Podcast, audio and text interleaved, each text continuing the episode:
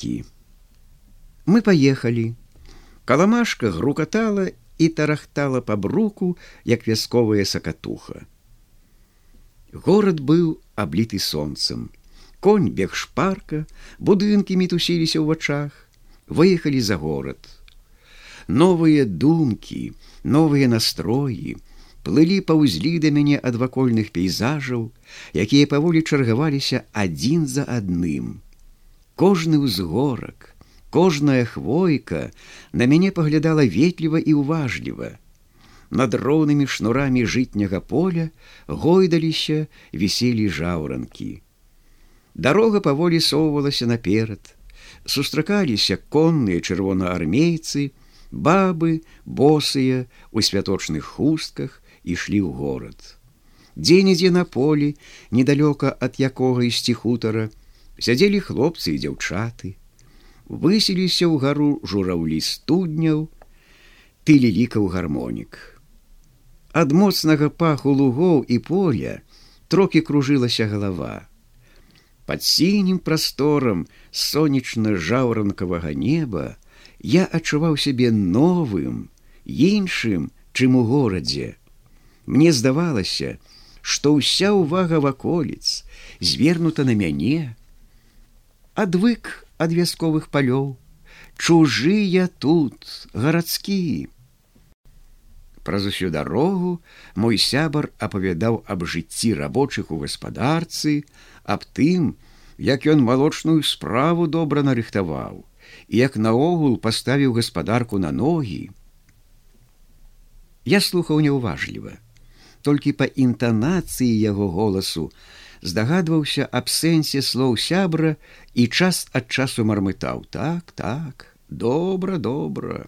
Не не мы былі ўжо недалёка ад саўгаса. Ехалі між ліпавых прысад.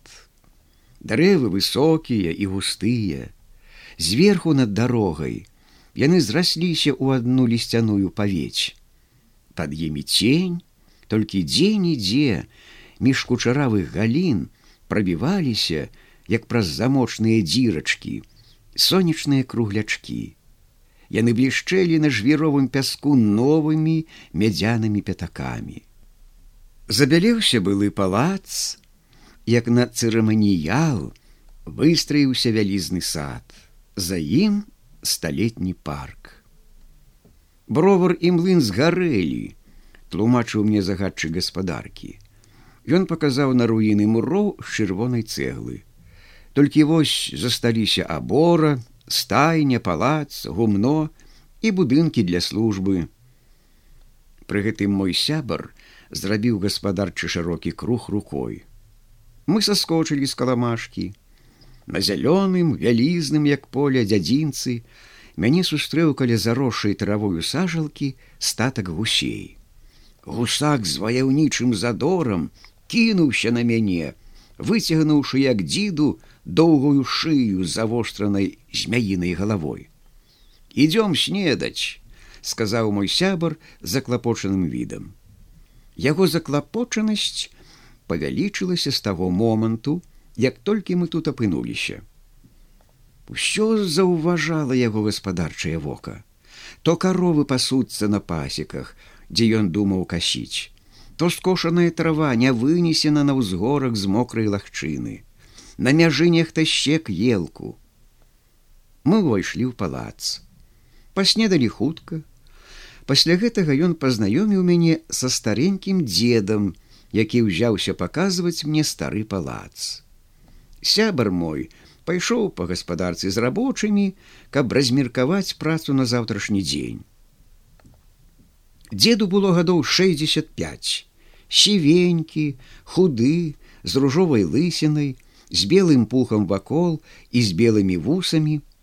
Відаць фізічнай працай мала займаўся. Нягледзячы на свае гады ён быў строены і рухавы.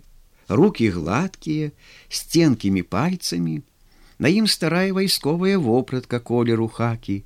На нагах хадакі старых ботаў Дзед служыў у гаспадарцы вартаўніком. Да рэвалюцыі быў лёкаем у панава шамірскага, ранейшага ўладара гэтага маёнтка. Дзед ведаў усе закуткі строгага белага мура, ведаў усю сямейную хроніку пана вашамірскага і шмат цікавых гісторый пра бацьку і дзеда пана яшчэ з часоў паншчыны. За бурэннем дзед гаварыў, як у восень 1917 года руйнавалі панскі маёнтак, як вакольныя сяляне разбівалі шыбы ў вокнах хто нагамі бразгаў па фартэп'яна, хто абрываў плюш спакою кацярыны другой, Яна калісьці спынілася ў гэтым маёнтку, хто аблупліваў скуру фотэляў і як падпальвалі будынкі на двары. Фотэлі крэслы.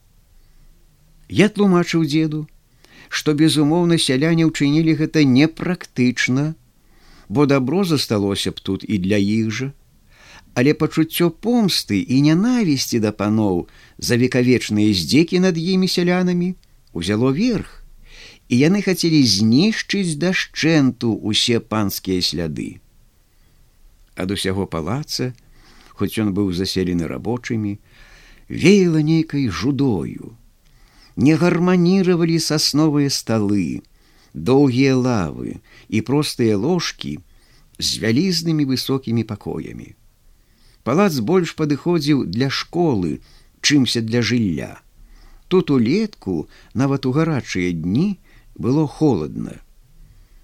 Дед апавядаў мне аб кожным пакоі, маляваў ранейшую абстаноўку, паказваў, дзе быў панскі кабінет, спальня, салон, дзе жыла дачка пана вашамірскага, маладая панна ядвіся я заўважыў на сцяне апошняга пакоя прыбітыя металёвыя планкі.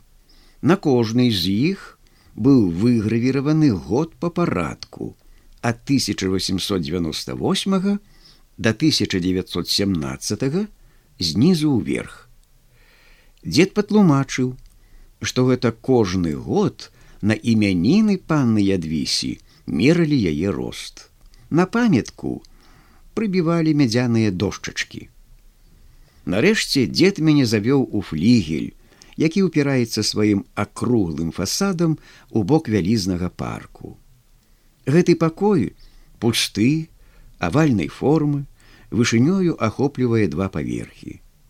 Праз каляровыя шыбы, аплеценыя густой павуцінай, прабіваецца святло сонца, раскідвае фантастычныя вясёлкавыя плямы на сцены. Па сценах звышку тырчаць вялізныя галовы сатыраў у старагрэчаскім стылі. На фізіяноміях застылі гуллівыя усмешкі. Вакол сатыраў, барэльефы шматгаловымі змеямі, купал скляпення, аздоблены трохкутнікавымі арабескамі, а ў самым цэнтры стылізаваны аднагаловы польскі арол. Па сценах, паміж замыславатых персідскіх арнаментаў, мітусяцца разнастайныя старасветскія княжацкія гербы. Супраць высачэзных на паўкруглых дзвярэй, таксама з каляровым шклом выступае невялічкая галёрка ранейшага прызначэння гэтага пакоя дзед не мог мне вытлумачыць. Пры ім пакой быў заўсёды пусты. Загадчык, у якога я пасля аб гэтым пытаўся, таксама не ведаў. Гаварылі, нібы калісьці тут была масонская ложа, ці можа, пан сюды склікаў падданых на гаспадарчыя гутаркі. Для тэатра пакой таксама не падыходзіў, А можа, гэта быў летні салон, а галёрка была для музыкаў.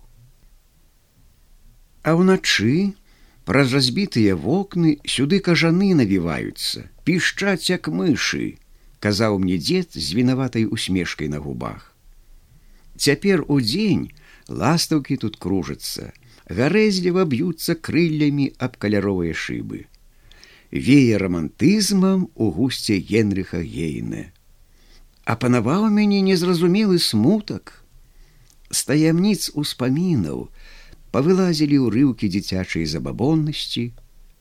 Мне пачало здавацца, што я папаўшы ў панскі куток 18 веку, сам праймаўся настроямі даўно мінулага часу. Я нібы адышоў ад самога сябе і наяве пачаў бачыць сны. Мітусіліся цені на сценах. У маім уяўленні яны пачалі прымаць людскія постаці. Я быў ахмелены паўзмрокам пакоя. Дед выбіў мяне на тэрасу, якая спускалася ў парк. Пад стагодняй ліпай ляжала галава каменнага ільва.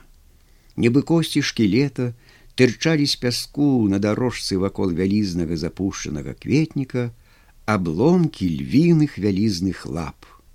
Сімвалічна мігцелі перад маімі вачыма руіны панскай культуры. Гэта культура, безумоўна мела сваё хараство і настраёвасць, але яна будавалася на нявольніцкім карку мужикоў. Міжволі носіш у сэрцы такое пачуццё да гэтай культуры, якое мелі да яе тыя, хто з дзікімі ад злосці вачыма нішчылі панскія маёнткі сабе на ўрон. З нейкай палёгкай на сэрцы, я выйшаў з цяністага парку на пагорак на санцапёк. На мяжы каля жытняга поля журчала вясёлая рэчка, пеніліся па адшліфаваных каменнях і здавалася, што статкі маладых гусянят нырцуюць у вадзе між каменняў. У паветры стаяла млявасць сонечнага гарачага поўдня. Дрыжаў над зямлёй ледзь прыкметны залаты пылок.